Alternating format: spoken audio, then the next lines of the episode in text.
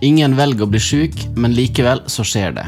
Og med ett blir det veldig viktig hva og hvem som møter deg i andre enden av røret, døra eller turen inn med ambulansen. Mitt navn er Egil Skistad, og du hører nå på Helsetjenesteaksjonen sin podkast. Gjennom en serie samtaler så skal vi snakke med folk som på ulike måter har peiling på helsevesenet. For det er det som møter deg på godt og vondt når du blir sjuk. I dag skal vi snakke med Torgeir Brun Wyller. Han er professor i geriatri, og det betyr at han kan masse om sykdommer hos eldre. Og han har faktisk skrevet læreboka som jeg hadde når jeg var medisinstudent. Du, du var jo professor, du var jo foreleseren min når jeg gikk på medisinstudiet. Og jeg husker veldig godt fra det, særlig det siste året på medisin. Og så var du en av de få som tok opp det hvite lerretet opp fra fra, som det hang foran tavla, og så fant vi den gamle, grønne tavla, og så brukte du masse krit, og så hadde vi egentlig bare forelesninger med en samtale. Jeg liker at folk introduserer seg sjøl, jeg tror det er mest komfortabelt. Hva ja, jobben min er, har sånn grovt sett tre deler. Jeg driver eh, pasientbehandling, eh, jobber på avdelingen, går vakter og sånn. Og den andre delen er å drive undervisning. Og det syns jeg er en veldig viktig del, for det handler jo om å forsøke å å lære fremtidige leger til å behandle de gamle og skrøpelige pasientene bra. Og så driver jeg forskning innenfor geriatri. Og så har jeg fått en fjerde stor del, som er å være helsepolitisk aktiv, som ikke er en del av jobben min, men som allikevel tar mye uh, av dagen, tar mye av fritiden, da. Mm, mm. Det er morsomt at du trekker frem det med, tavle, med tavlebruken, for jeg uh, Det er jo en kjepphest jeg har hatt i alle år, at uh, tavle er et undervurdert pedagogisk virkemiddel. Det er mange som tror at det er så gammeldags, slik at tavlebaserte forelesninger må være per definisjon dårlige fordi det er gammeldags, men jeg tenker at tavle har veldig mange eh, fordeler fremfor altfor mye lysbilder som har lett for å gå altfor fort og bokstavelig talt over hodet på studentene. Hvis man skriver på tavla, så, man, så tvinger man seg selv til å holde et tempo eh, som studentene kan eh, følge med på. Og, og, det gir en veldig stor fleksibilitet, så jeg liker det. Torgeir, vi må jo ha et vågestykke i dag, tenker jeg.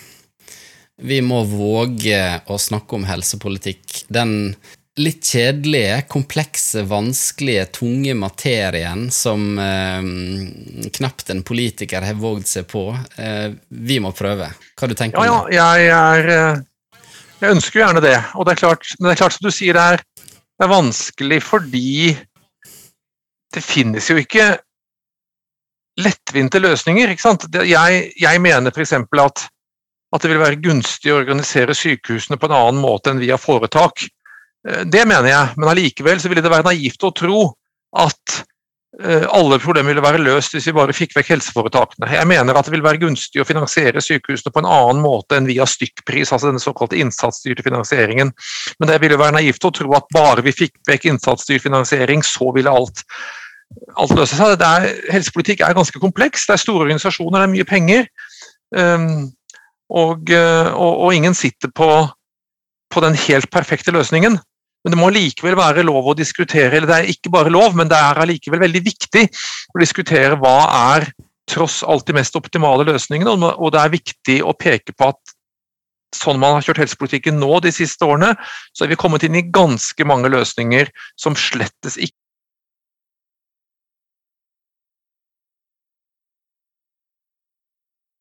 ikke er optimale. Og For meg så henger jo fag- og helsepolitikk veldig tett sammen også, da. jeg må jo kanskje si det.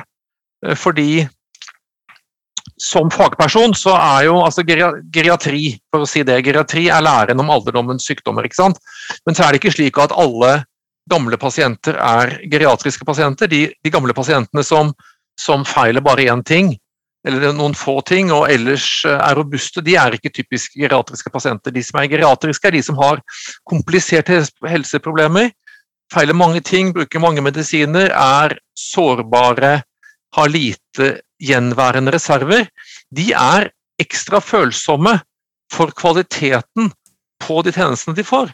Slik at eh, hvis man organiserer helsetjenesten dårlig, så går det kanskje aller mest utover de pasientene og de pasientene som også har lettest for å bli definert som uønskede og uvelkomne i f.eks. I, i sykehusene.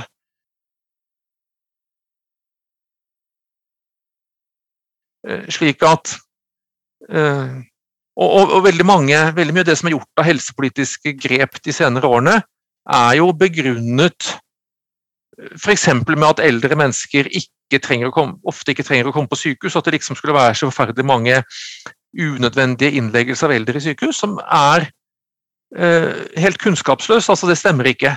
Eh, slik at eh, mitt arbeid for å spre kunnskap om eh, skrøpelige eldres helseutfordringer og hvordan de mest effektivt kan møtes, kan, kan møtes eh, og mitt arbeid for å eh, få gjennomslag for en, det jeg mener en, ville være en bedre helsepolitikk, det henger veldig veldig tett sammen.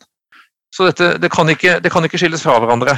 Eh, litt tilbake igjen til disse forelesningene. så var det sånn det eh, jeg etter hvert forsto når det gjelder faget geriatri, altså læren om eldre sykdommer, eh, det var jo nettopp at det, det var, det var eh, Sykdomstegna ser annerledes ut.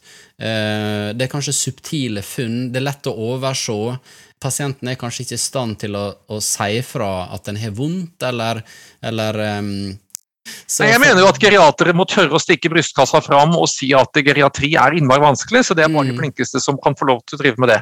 Ja. Uh, litt sånn, uh, altså Det er litt flåste sagt og litt sånn blærete, men, men vi, må, vi, må, tørre å, um, å, si at det er faktisk uh, vanskelig og krevende og fordrer flinke folk. Ja, det syns jeg. Helt, mm. og, det, og, og, det krever tid. Det krever Eh, en annen framgangsmåte enn eh, Før jeg begynte på geriatrisk avdeling, så var jeg på anestesiavdelinga, og da jobba jeg på dagkirurgen, og der er ting helt annerledes.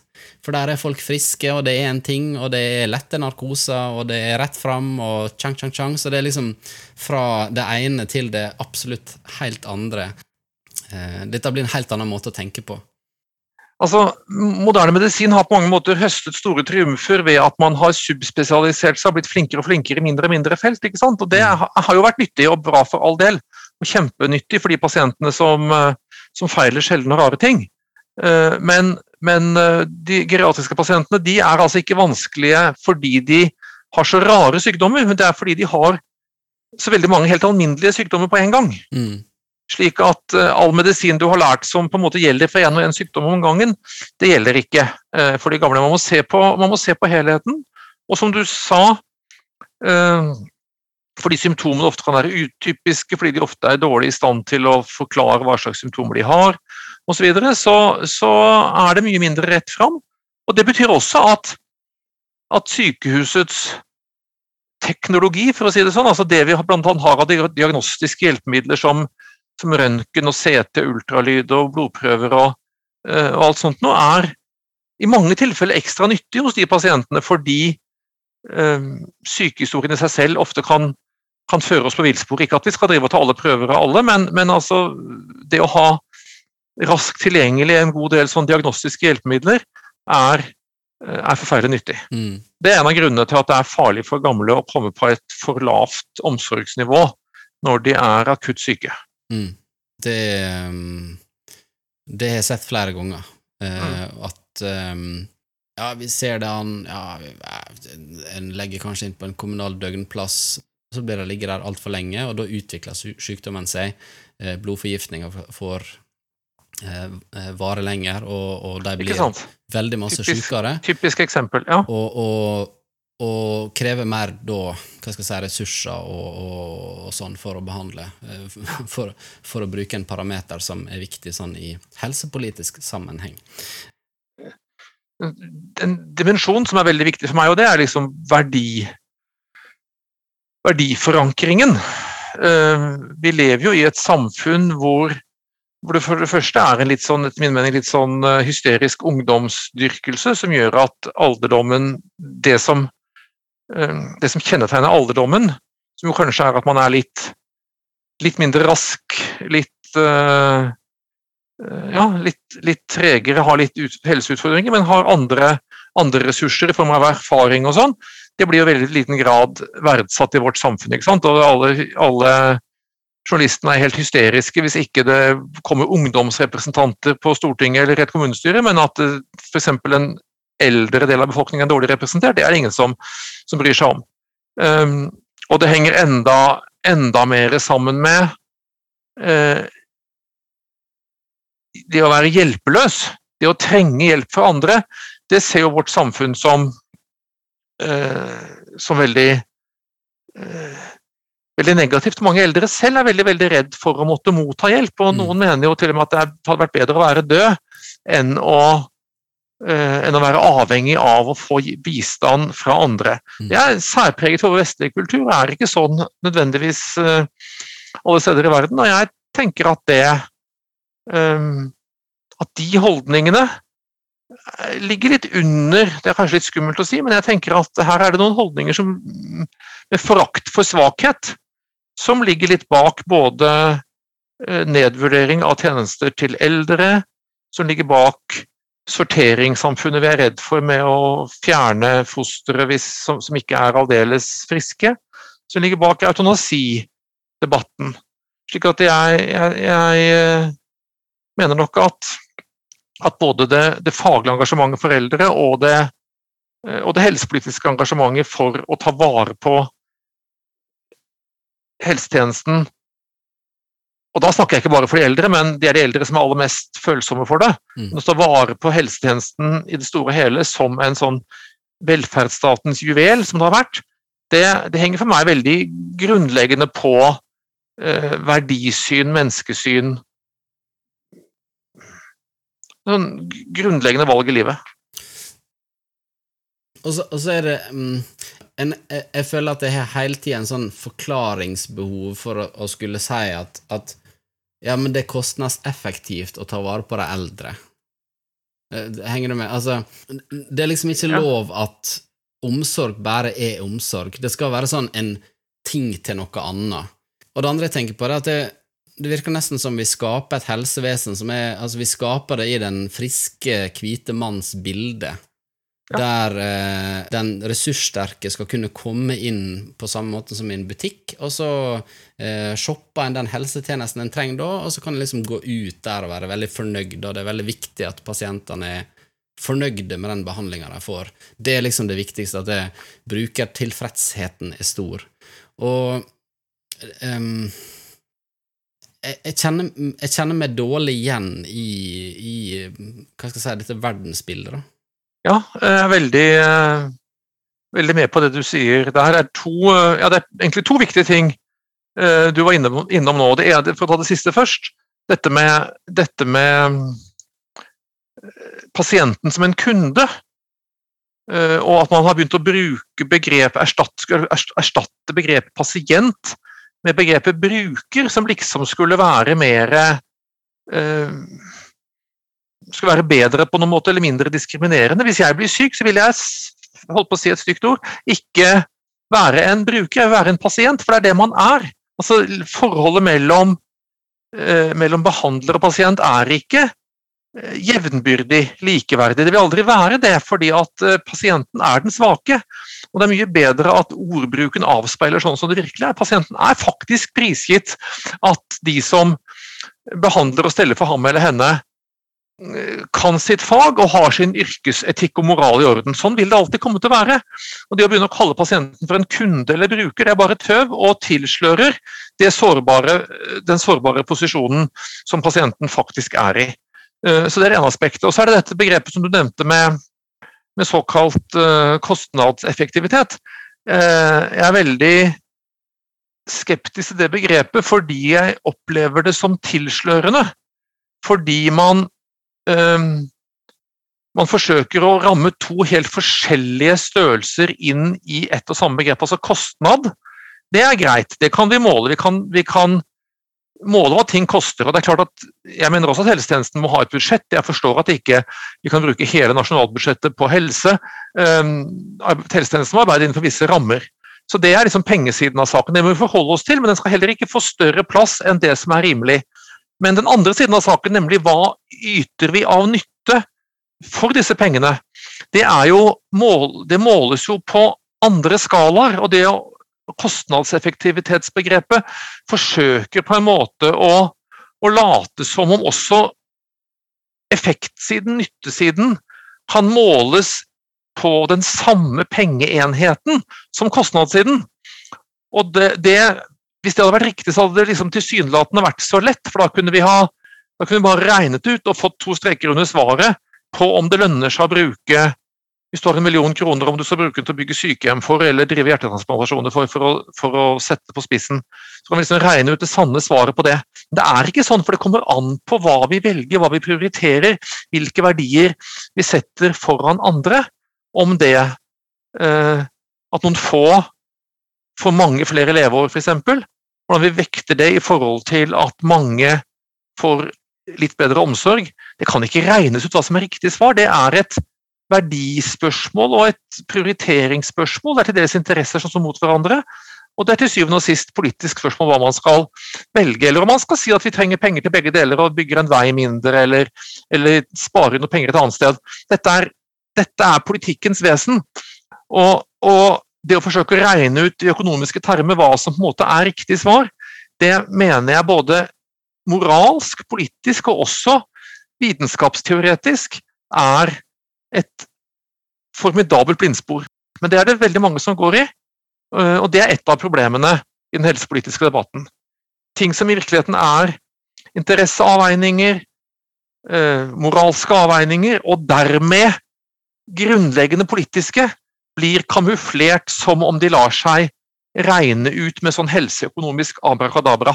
Eh, vi er jo rett inn i tunge, den tunge materien her, Torgeir. Ja. Um, kan vi prøve å finne noen eksempler på hvordan dette ser ut sånn i praksis? Hmm. Hvis vi skal forsøke å finne et godt eksempel, da. Da tror jeg jeg skal velge et eksempel litt langt vekk fra min egen, fra min egen arbeidshverdag. Fordi at noe som det jo stadig er, er kamper om, er nye behandlingsmetoder, f.eks. For, for kreft. Det, kommer, det utvikles stadig nye kreftmedisiner som kan være effektive, i noen tilfeller veldig effektive, for utvalgte kreftpasienter, men som er kjempedyre.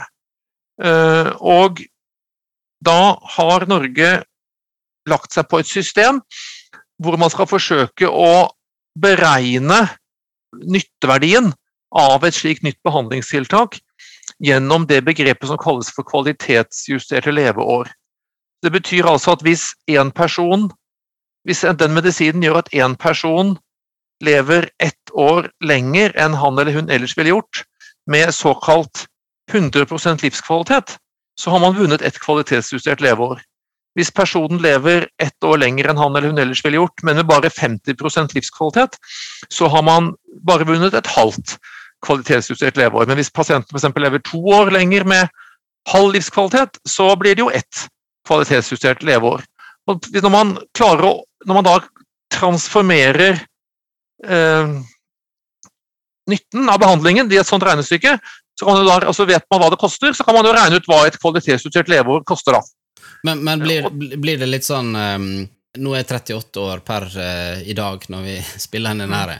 Så er det sånn at jeg, jeg regner med at jeg, hvis jeg får en behandling som gjør at jeg kan ha 30% livskvalitet gjennom 40 år til, mm. så kan jeg på en måte du kan på en måte ta den summen der da, og sammenligne den med noen som har 100% livskvalitet i ti år. Jeg, jeg klarer ikke matte her.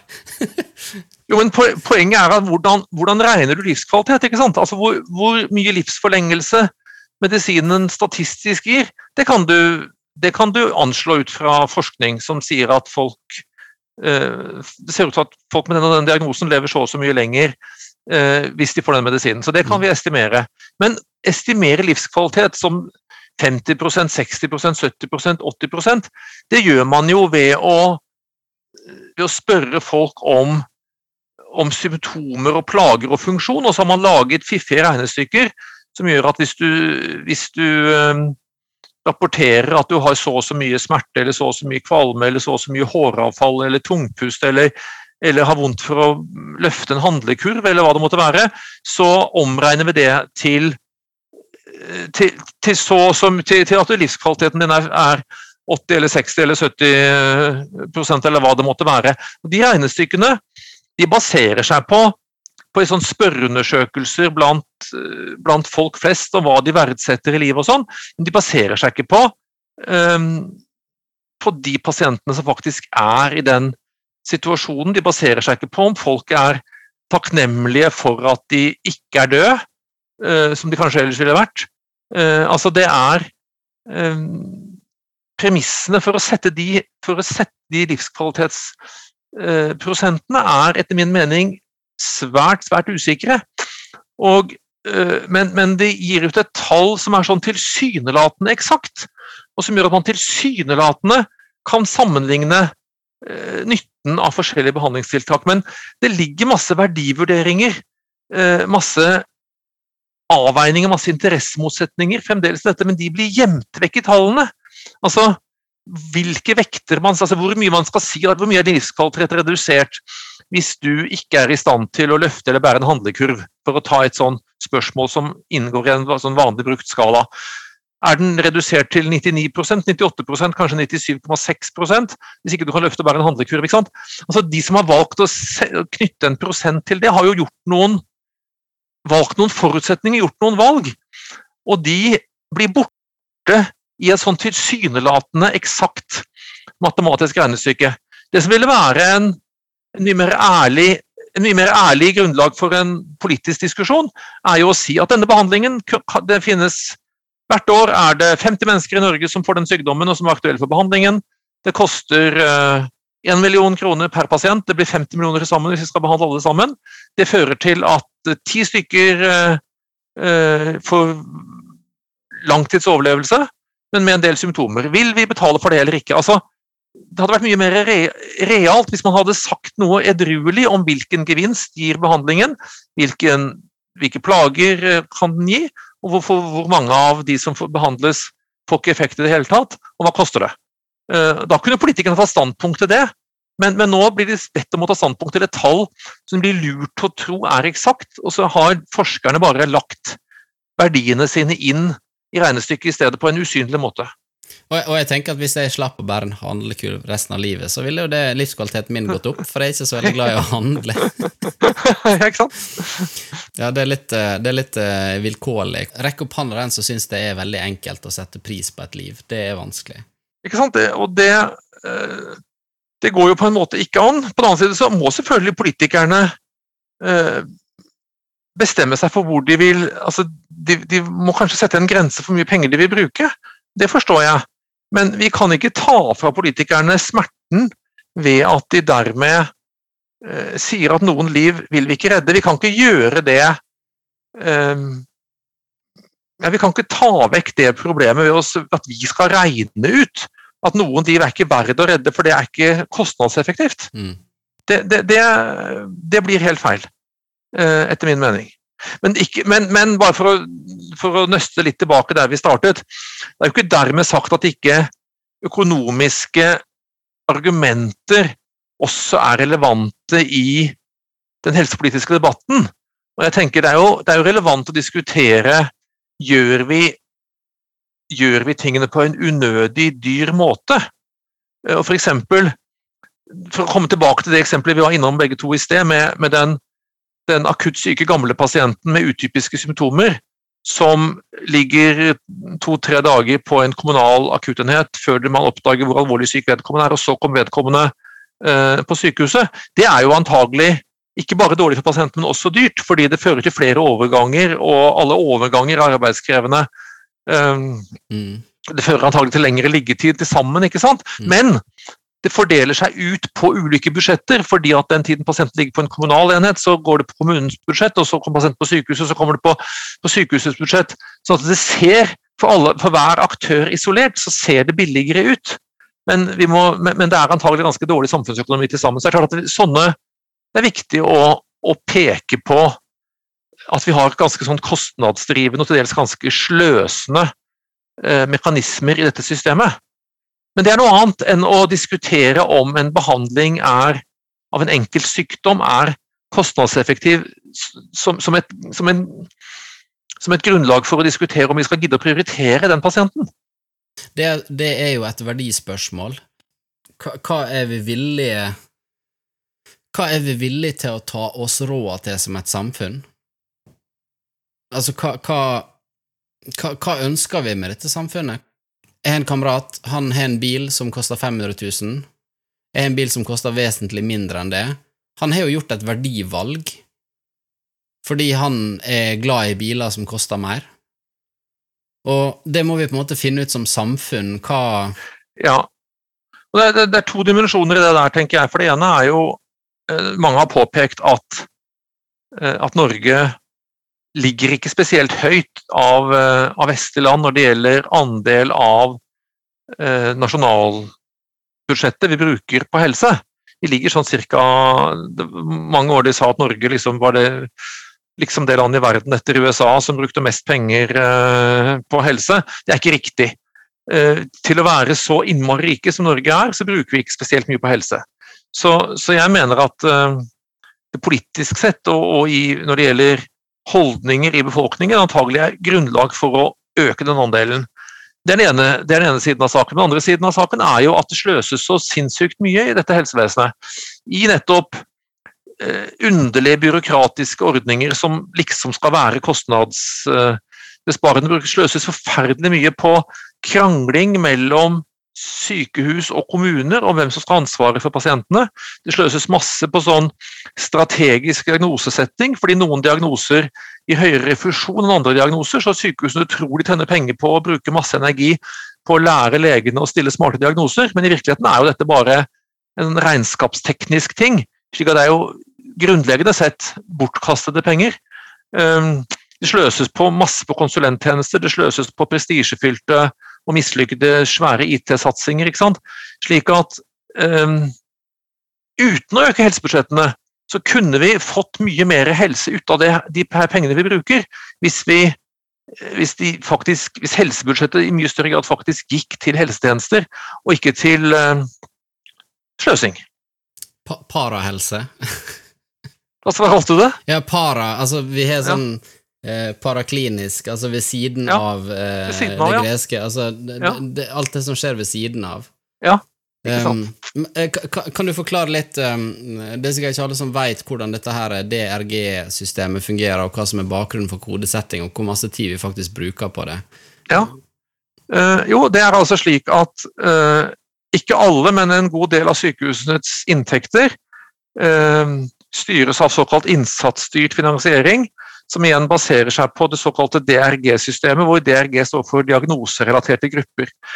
Og det betyr at hver, altså, hver gang en pasient skrives ut fra sykehus, så må sykehuset, og det vil i praksis si den legen som skriver pasienten ut, sette en diagnose. Og, Blir det som en eh, prislapp? Ja, så hver diagnose har en pris.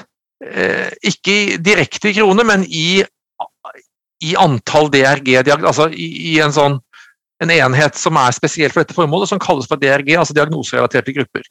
Og Det er et system som var ment som et insentiv til å få sykehusene til å gjøre mer. fordi at Jo flere pasienter sykehuset da behandler, dess mer DRG kan de på en måte si at de produserer, og jo mer penger skal de få inn. Så Det skulle være et insentiv for sykehusene til å til å øke effektiviteten sin. Altså, og disse, bare for, altså, så det vil si at hvis at jeg bruker x antall kroner uh, i mitt budsjett, og så får jeg tilbake så og så masse i DRG, mm. så kan jeg på en måte, hvis jeg, hvis jeg bruker mindre penger på å behandle en lungebetennelse, så kan jeg på en måte Oi, eh, da fikk jeg mer penger hvis jeg da blir mer effektiv, og så da vil det generere på en måte et en, en, lyst i systemet til at det, her skal vi behandle lungebetennelser mer effektive, fordi vi ja. da får overskudd, eller da får vi penger på boka og kan bruke det på ting vi har lyst til, f.eks. å bygge en ny avdeling, eller å Så tanken bak det, det, det, det finnes opplagt en, en, god tanke bak, og, og, alle systemer har jo sin,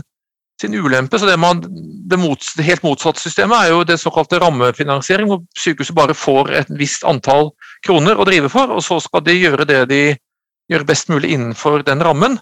For det, det som lønner seg for sykehuset, er å gjøre minst mulig og spare penger ikke sant? Mm. ved å senke aktiviteten. Mens DRG-systemet skulle stimulere sykehuset til å øke aktiviteten. Mm. Og Så har man da prøvd å gjøre det slik at disse, uh, disse, DR, at disse diagnosene da, som får en såkalt DRG-vekt, den skal avspeile ca. hvor eh, hvor arbeidskrevende eller ressurskrevende det er for sykehuset å behandle en pasient med den diagnosen. Altså det koster sykehuset mer å transplantere hjertet enn å ta ut en flis av fingeren. ikke sant? Slik at eh, DRG må, må avspeile det. Så, så, langt så godt, på en måte. Men så har dette systemet gått amok fordi sykehusene har funnet ut at hvis de er jo, Diagnoser er jo ikke hugget i stein. ikke sant? Det er veldig mange glidende overganger hvor du kan si at to diagnoser eh, kan forsvares, kan i og for seg være faglig sett like riktige begge to. F.eks. om du kaller det en alvorlig eh, lungebetennelse eller en blodforgiftning, sepsis, det, det, det er litt sånn skjønnssak.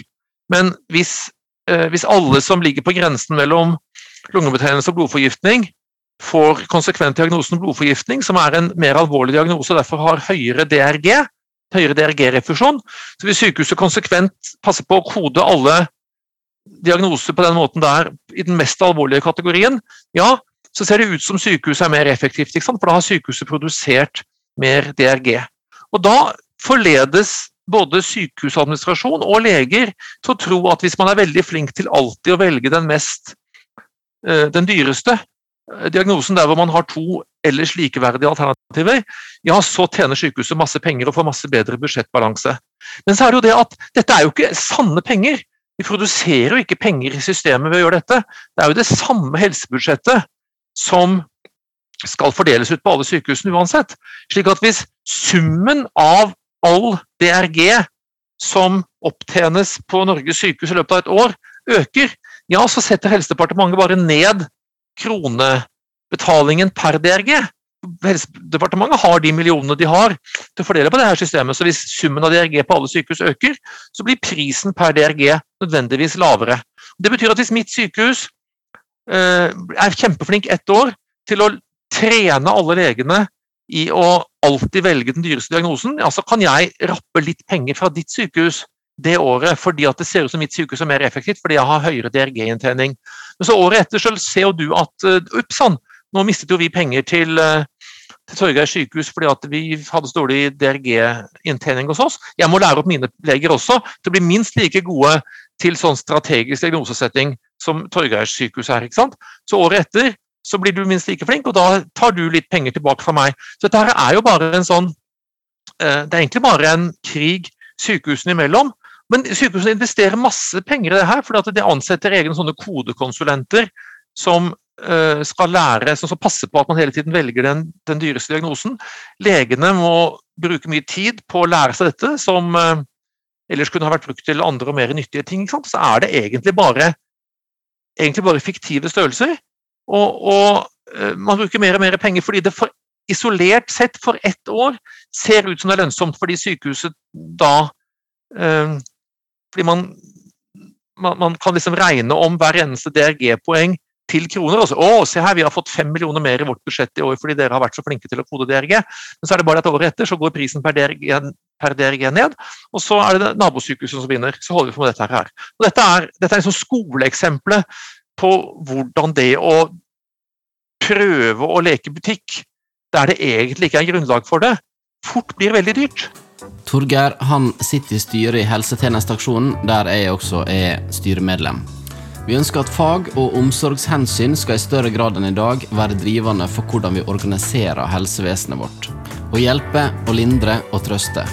For det var jo det som var poenget med butikken, var ikke det det? Om du vil vite mer om oss, så kan du gå inn på htaksjon.org. Du kan bli medlem, eller du kan gi oss ei støtte. Vi har ikke så masse utgifter, men vi har litt som vi bruker til å arrangere møter og aksjoner og markeringer. I tillegg så har vi Sylvia med som sekretær, og hun passer på at alt er sånn som det skal være. Og resten av oss gjør dette her på dugnad. Og nå skal vi tilbake igjen til samtalen med Torgeir.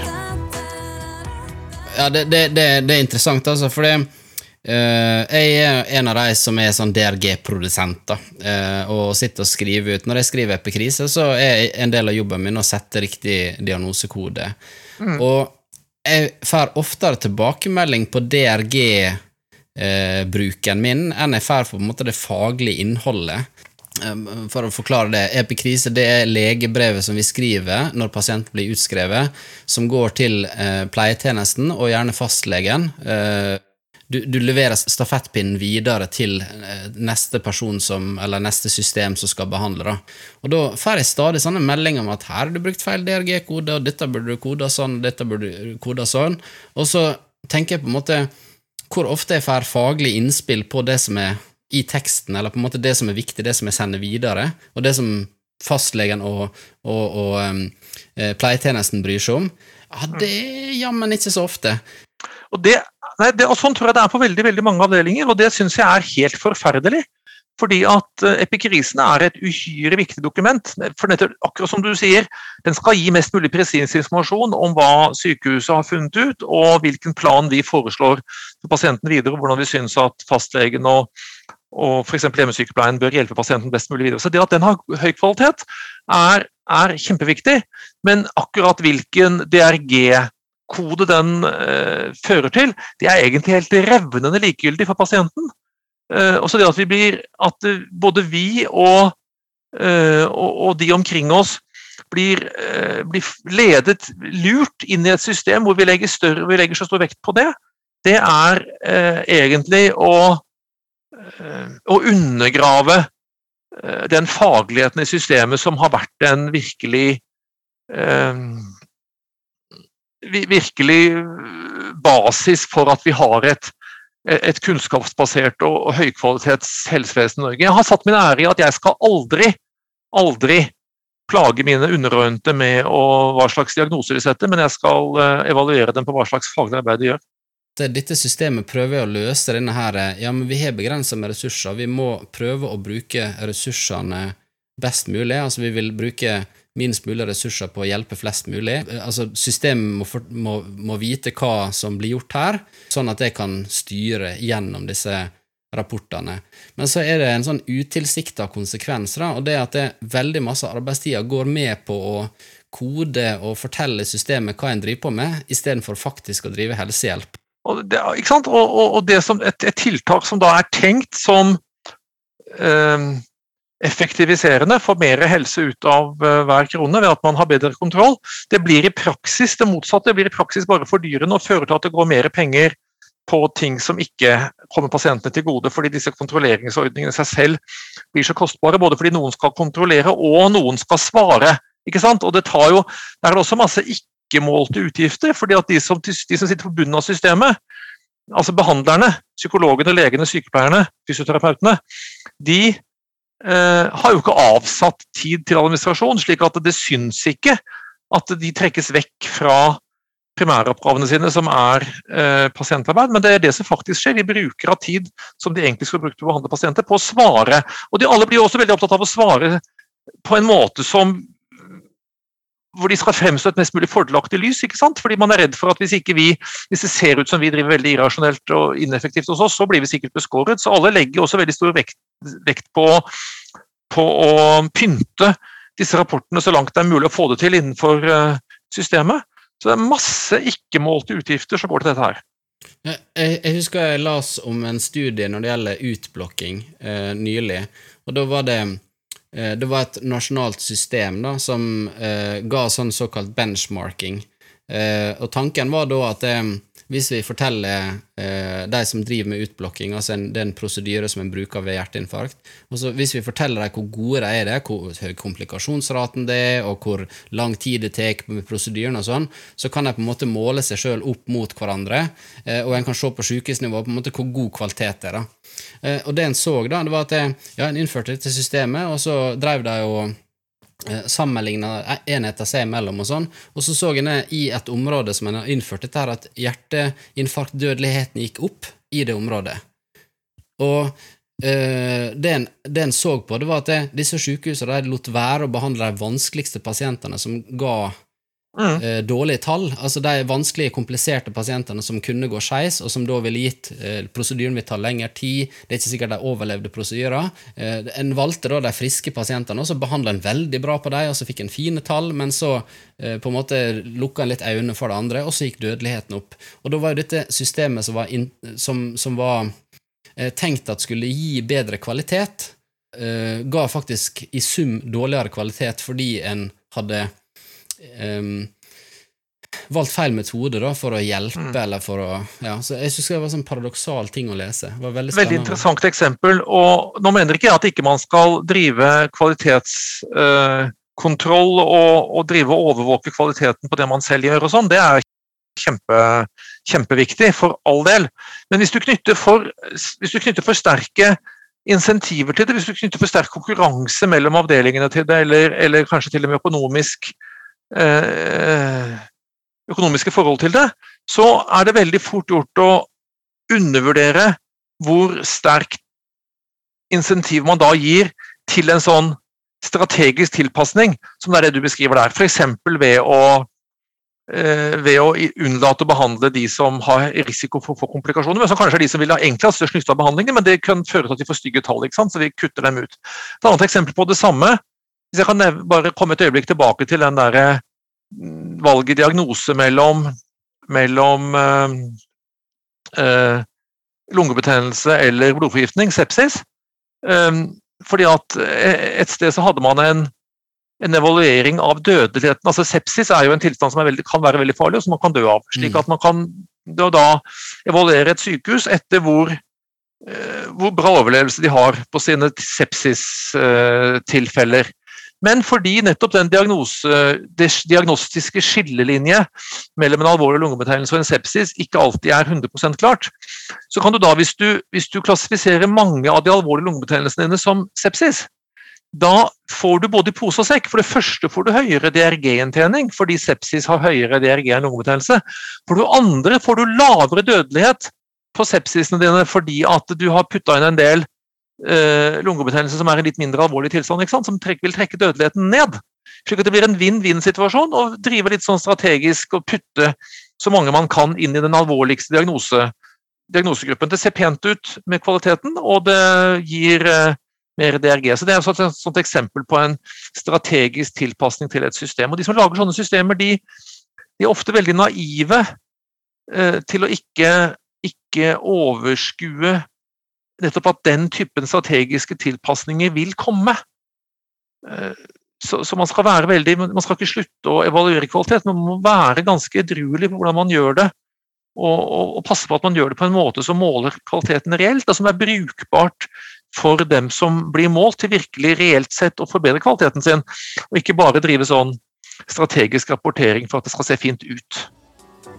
Torgeir han eh, er med i en gruppe som ser på dette her med helseforetaksmodellen eh, som var innført, og som har en del av disse elementene som vi snakker om nå, ved seg. Eh, Du kan finne mer om det på Alternativ til helseforetaksmodellen, som er en gruppe på Facebook. Og De har også skrevet masse interessante artikler om hvordan det kan se ut. Jeg snakker videre med Torgeir om sentralisering og desentralisering, ei varm potet i helsepolitikken. Vi skal sentralisere det vi må, og desentralisere det vi kan. eh, tror jeg er en godt eh, Og det er ingen tvil om at vanlige sykdommer eh, behandles like godt på mindre sykehus som på større sykehus. Men igjen, forutsatt at det er et altså vi, må snakke om et ordentlig sykehus, for dette har jo forledet noen politikere til å tro at vi kan lage sånne kommunale sykestuer som skal, kunne- behandle f.eks. de gamle med lungebetennelse like bra. Det er ikke riktig. Det krever et visst nivå av utstyr, en viss døgnberedskap, en viss mulighet for å få tatt blodprøver og røntgenbilder og sånn døgnet gjennom. ikke sant? Og, og, og de viktigste medisinske spesialitetene i vakt. Men, og, og også den gamle, kan vise, den gamle på 85 som har sånne symptomer, kan jo vise seg å ha noe som er så Uh, spesielt at vedkommende skal flys til St. Olav eller til Ullevål eller til Haukeland eller til Tromsø. ikke sant? Uh, men, men de aller, aller fleste av de, av de tilstandene som, som skjuler seg bak et sånt sykdomsbilde, behandles like godt, og kanskje bedre, på et, på et mindre sykehus hvor det er litt mer oversikt og, og, og litt mindre litt enklere kommunikasjonslinjer og kortere transportveier og sånt noe, slik at det, typisk små sykehus som i Norge, eksempler er Flekkefjord, eh, Volda, øh, øh, Tynset og sånn, Øh, behandler de aller, aller fleste av de tilfellene eh, veldig, veldig bra, men det betyr ikke dermed at pasientene kan bli værende på en, en sånn kommunal eh, sykestue. Men så er det som du sier, en del ting som helt opplagt skal sentraliseres, fordi eh, trening, stort volum, gir kvalitets, eh, i bedre kvalitet. Hjertekirurgi er et helt opplagt eksempel. Mer og mer kreftkirurgi også, faktisk, eh, skal nok sentraliseres fordi den blir mer og mer, eh, mer, og mer spesialisert. og det der har jo vår egen profesjon litt å svare for, for det finnes nok en del, en del overleger på nokså små sykehus som har overvurdert hvor kompliserte tilfeller akkurat deres sykehus skulle være i stand til å behandle. Så de har vært litt motvillige til å sende pasienter fra seg, som de opplagt burde ha sendt fra seg til, det, til et større sykehus. og Dermed så har pasienten kanskje fått dårligere behandling, og så har hele lokalsykehuset kommet til miskreditt, selv om de egentlig kanskje yter utmerket behandling for et stort flertall av pasientene. Så her, her er det om å gjøre å finne, finne den rette balansen, men dette, dette fordrer jo også et nært og tillitsfullt samarbeid mellom sykehusene. Det, det, lille sykehuset bør samarbeide nært og tillitsfullt med sin storebror eller storesøster, da vi skal kalle det nabosykehuset, som er større og som har litt flere spesialister og, og, og kan håndtere litt, litt sjeldnere tilstander. Mm. Men nå er forholdet mellom nabosykehus ofte, mange steder i landet ganske dårlig, fordi de, er, de, de spiser av den samme matfatet, økonomisk sett, nettopp fordi de er organisert sammen for å ta ditt, ditt hjemfylke, da, Helse Møre og Romsdal, som omfatter uh... vi er, Per i dag så er vi fire sykehus. Det er Kristiansund, Molde, Ålesund og Volda.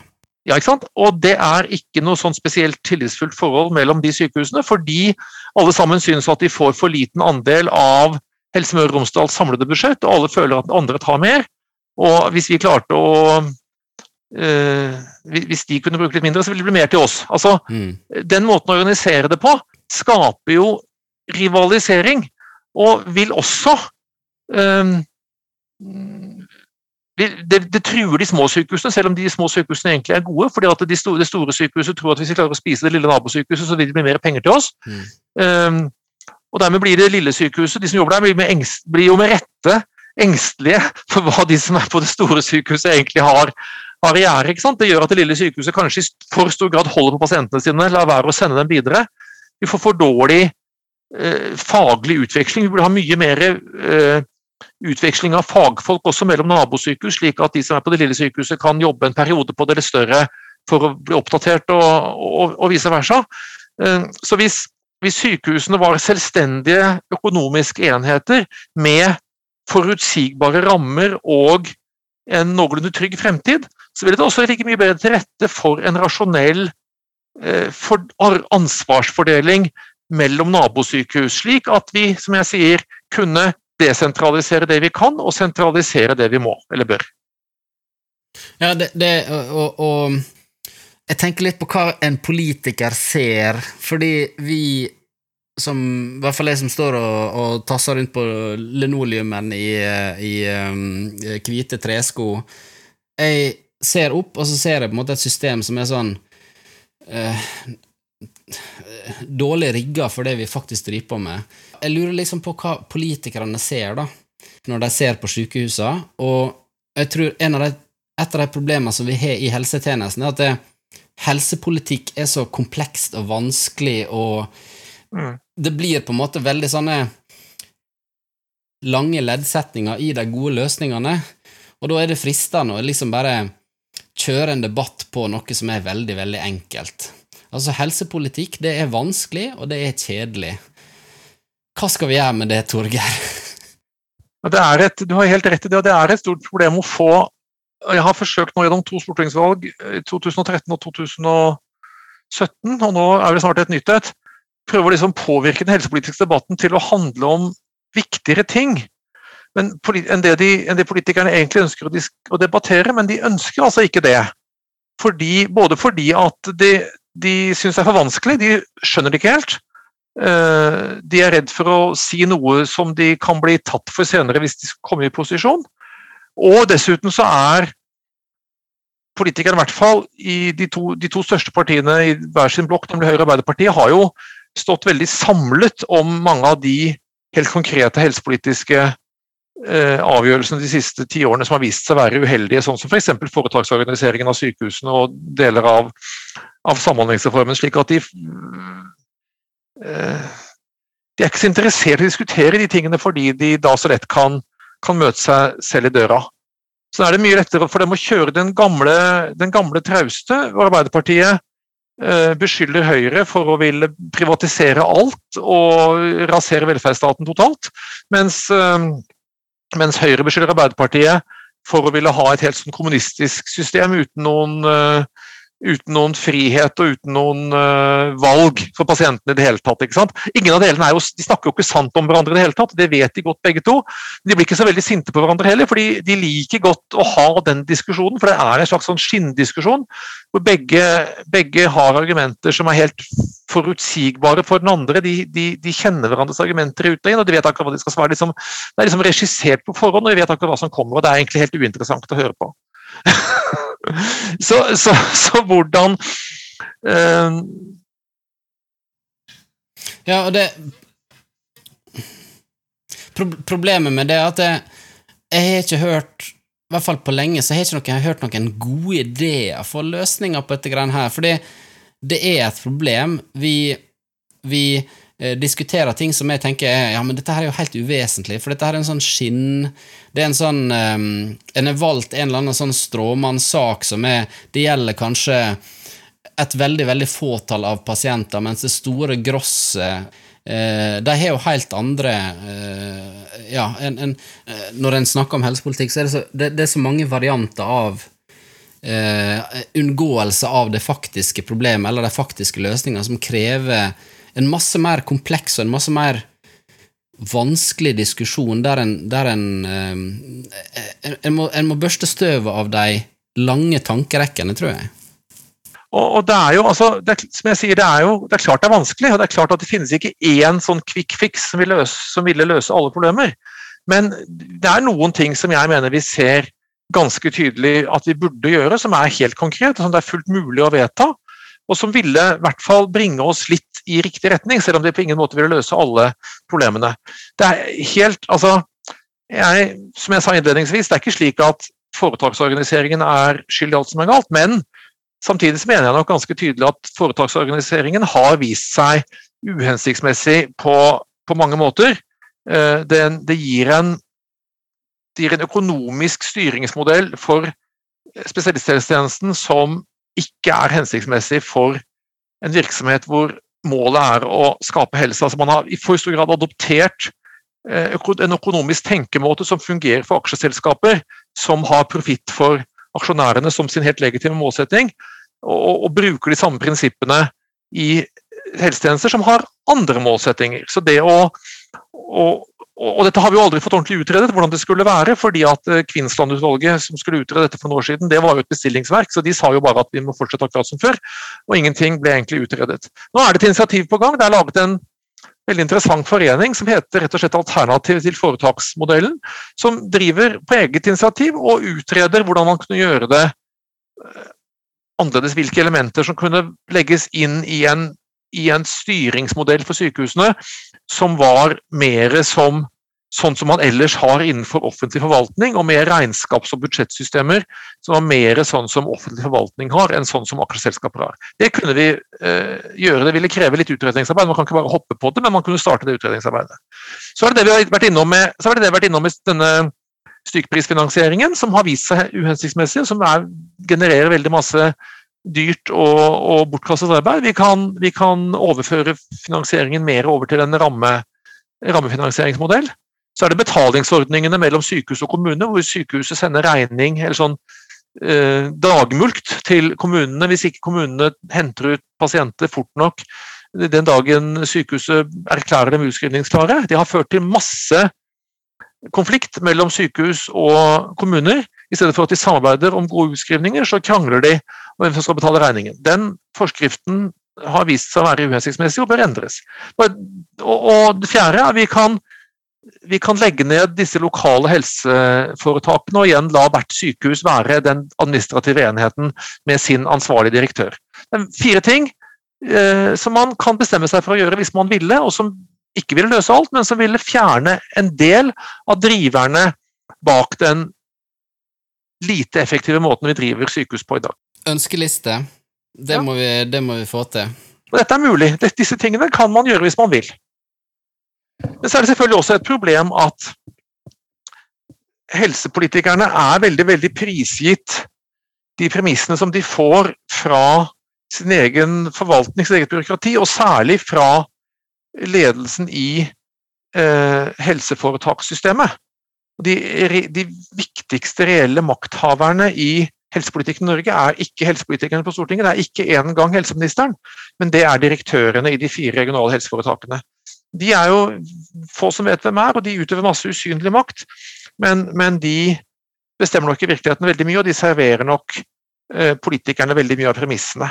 Så Det er også en utfordring vi har. Vi sitter igjen med denne følelsen om at å, det er så tungrodd, det er så vanskelig, å, helsepolitikk, å. Mm. Det betyr det, det, betyr likevel ikke at det er viktig.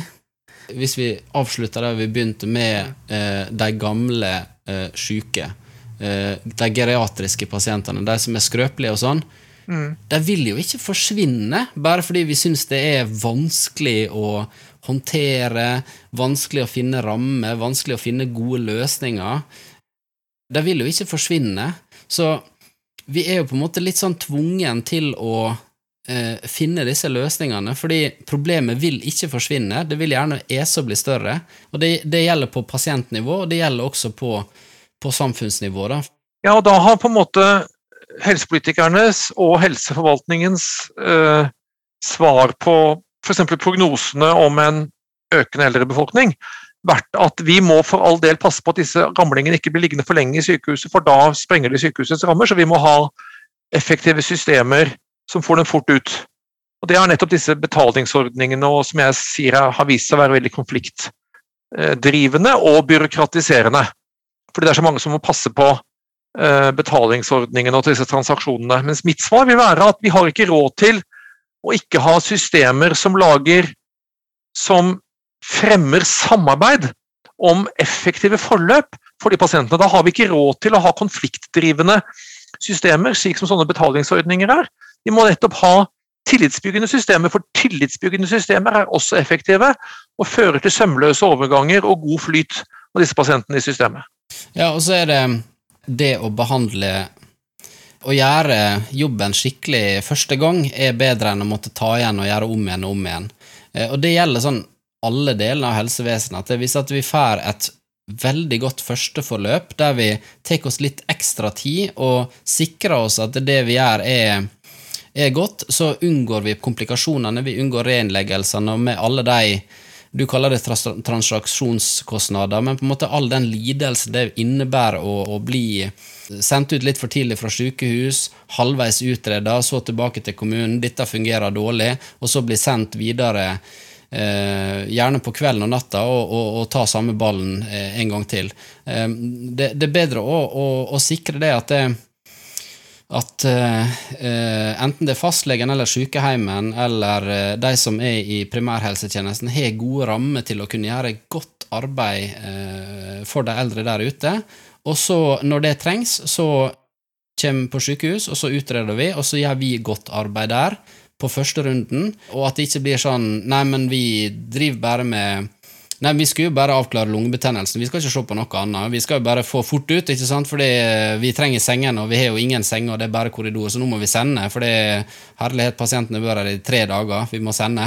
Eh, og, så, og, så, får vi en sånn halvveis greie da, som kommer litt sånn skakkjørt tilbake til kommunen, og så fungerer det dårlig, og så får vi den inn på som en reinnleggelse eh, en dag eller to senere. En reinnleggelse ser jo bare pent ut på sykehusets statistikk. ikke sant? For det, det er, Da er sykehuset enda mer effektivt, for det, er lov å telle hver samme pasient flere ganger. Så det, det teller jo som mer effektivitet, det. Det er også en paradoks i dette systemet. Du får både DRG for det, og, og, og du kan eh, skryte av mange utskrivninger. Vi får jo mer penger for komplikasjonen enn det vi får for den enkle tilstanden. Så Det viser også hvor uhensiktsmessig det systemet er. Pengetall er også et stikkord her. Norge ligger på, eh, helt på bunn, bunnsjiktet i Europa i antall sykehussenger i forhold til innbyggertallet. Og Det gjør jo at vi hele tiden har kritisk overbelegg. At det hele tiden er krise for å få rydde plass til nye pasienter som kommer inn. Og Det driver jo disse disse, prosess, disse prosessene liksom må hele tiden gå fortere og fortere rundt. Vi må få pasientene fortere og fortere ut for å rydde plass til de som kommer inn. Så Det setter, det setter systemet under et veldig press. Og Det er også begrunnet økonomisk, fordi en seng liksom er så veldig dyr. Eh, men det er også veldig dyrt eh, for samfunnet at pasientene kommer inn igjen og igjen. kommet for fort igjennom systemet, at de bruker masse tid på å krangle med kommunene om når de er utskrivningsklare fordi de må hive dem fort ut osv. Men det regnskapsføres altså ikke på den samme måten. Det hadde alltid alt vært rimeligere å ha litt flere senger, slik at vi hadde litt mer slakk i systemet, litt mer å gå på, litt bedre forutsetninger for å gjøre en god nok jobb når pasienten kom inn, slik at de forhåpentligvis var uh, godt avklart når de ble sendt ut igjen og uh, kunne holde seg stabile lenger.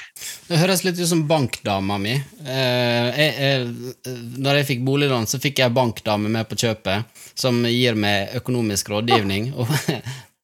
men, men, men, poenget er det hun sier Egil, du må legge opp en buffer. Hun var veldig opptatt av denne bufferen. Ja, nå må ja. du legge opp sånn, Det skal være sånn gjerne en månedslønn eller to eller tre i en ja. sånn buffer. da.